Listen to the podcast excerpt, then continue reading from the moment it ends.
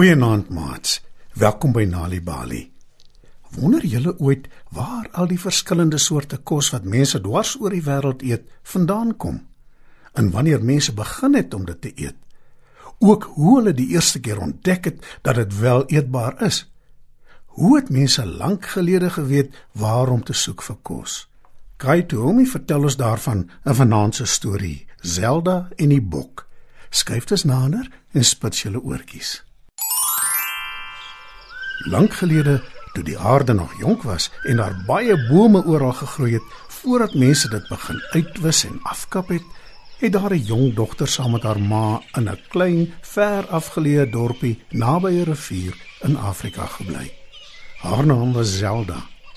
Saans, wanneer die sterre in die lug verskyn, sing Zelda se ma vir haar die mooiste liedjies oor die heel eerste stories wat mense nog ooit gehoor het. En bedags Sodra die son opkom, verken Zelda die omringende bos waarin daar baie bome groei. Op 'n dag, terwyl Zelda deur die bos loop, kom sy op 'n boom af wat sy nog nooit van tevore gesien het nie.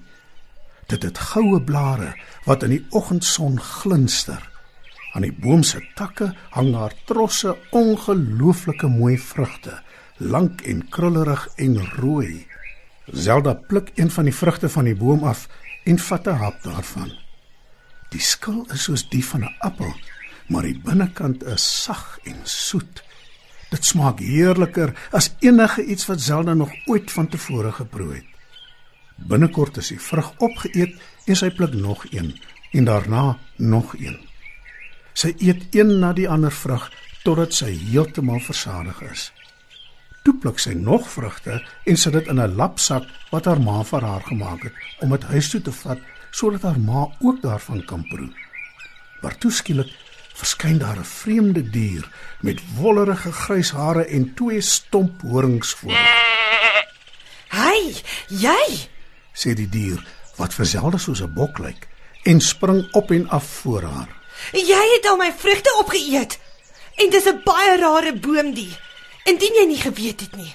Maar behalwe dit, dis my boom. Sover ek weet, behoort die bome in die bos aan almal, sê Zelda.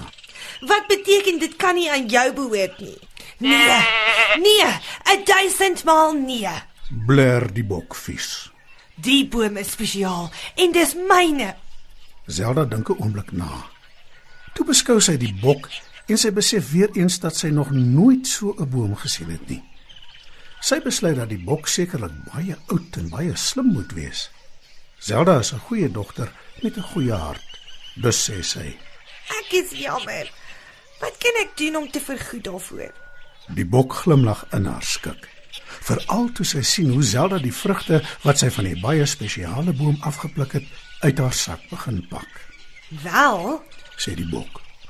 "Wat jy kan doen is om dieper in die bos in te gaan en vir my neute te soek om te eet." En dit is dan ook presies wat Zelda doen. Sy kom na 'n hele ruk terug met haar sak propvol neute. Die bok begin dadelik te vreet aan die neute en hou nie op voordat sy knippel dik is nie. Maar bokke bly nie lank versadig nie en sommer gou beveel sy. Nou moet jy na die piek van die hoë berg hier langs aan gaan en vir my vars fonteinwater bring. En weer doen Zelda wat die bok sê. Toe sy uiteindelik terugkeer met die water, drink die bok haar knippeldik. Daarna beveel die bok Zelda om hout bymekaar te maak en 'n vuur aan te lê. Toe laat sy Zelda haar pens vryf. Nadat Zelda dit alles gedoen het, gaan sy huis toe, maar nie voordat die bok haar beveel om die volgende dag terug te kom en alles weer van voor af vir haar te doen nie. Toe Zelda uiteindelik tuis kom, is dit al baie laat. Haar ma is verlig en sê sy was bekommerd oor haar dogter. Zelda vertel haar ma wat gebeur het en haar ma besef dadelik dat die nare bok haar goedgelowige kind misbruik het. Niemand, maar niemand besit enige bome in die woud nie. Maar sy sê niks vir Zelda nie. Sy stuur haar net vroeg bed toe en sit toe 'n lang ruk en dink oor hoe sy die bok gaan laat betaal vir wat sy aan haar dogter gedoen het. Die volgende dag gee Zelda se ma vir haar 'n sakkie met goue sade en sê Dit is die skaarsste sade in die hele wêreld. En hulle smaak absoluut heerlik. Ek weet dat dit bokke se gunsteling ding is om te eet. En ek wil hê jy moet die sakkie met sade in jou rok se sak hou. Maar dit maak nie saak wat nie, al smeek die bok jou, moenie vir haar van die sade gee nie. Ek sal jou volg en alles dophou. Wanneer die tyd reg is, sal ek te voorskyn kom. Zelda vertrek om die bok in die bos te gaan soek.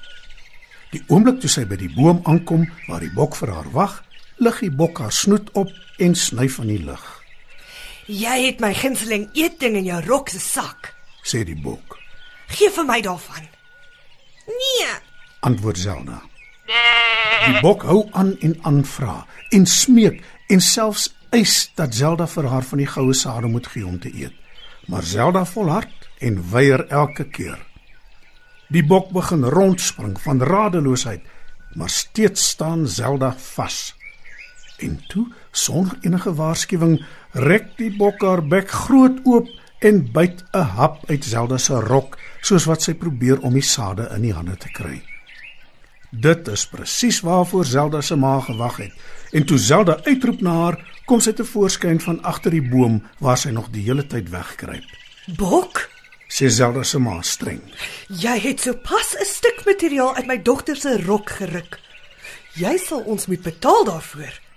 As vergoeding moet jy by ons kom bly en elke dag vir ons melk gee. En as jy kinders het, moet hulle nes jy ons dien vir die res van hulle lewens. Die bok kan nie glo wat sy hoor nie en sy proteseer wild. Nee, dis te erg. Hoe kan jy verwag dat ek so hoë prys moet betaal vir 'n eenvoudige rok? Wel, Sê Zelda se ma. dis nie al nie. Jy het my dogter geflous, bedrieg, gedwing om vir jou dinge te doen. Dit is onaanvaarbaar en daarvoor moet jy ook vergoed. Die bok kyk na Zelda en toe na haar ma. Toe kyk sy na die pakkie sade wat sy so graag wil hê. Haar maag grom en haar bek water. Gee vir my die wonderlike, heerlike sade en ek doen alles wat jy wil hê. sê die bok vir Zelda se ma. Sy glimlag want dit is presies wat sy in gedagte gehad het. Sy gee vir die bok die sakkie met sade en die bok verslind dit 1 2 3.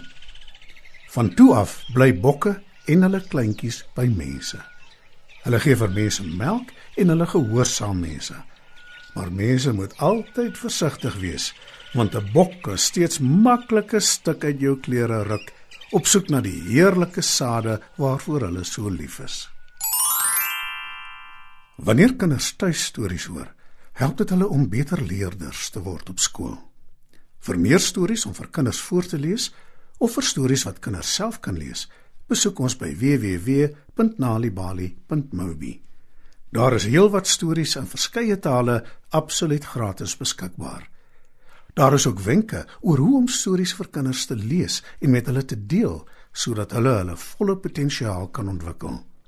Nalibali is ook op Facebook en daar is Nalibali stories en aktiwiteite in bylaas van koerante. Story Power. Bring dit huis toe.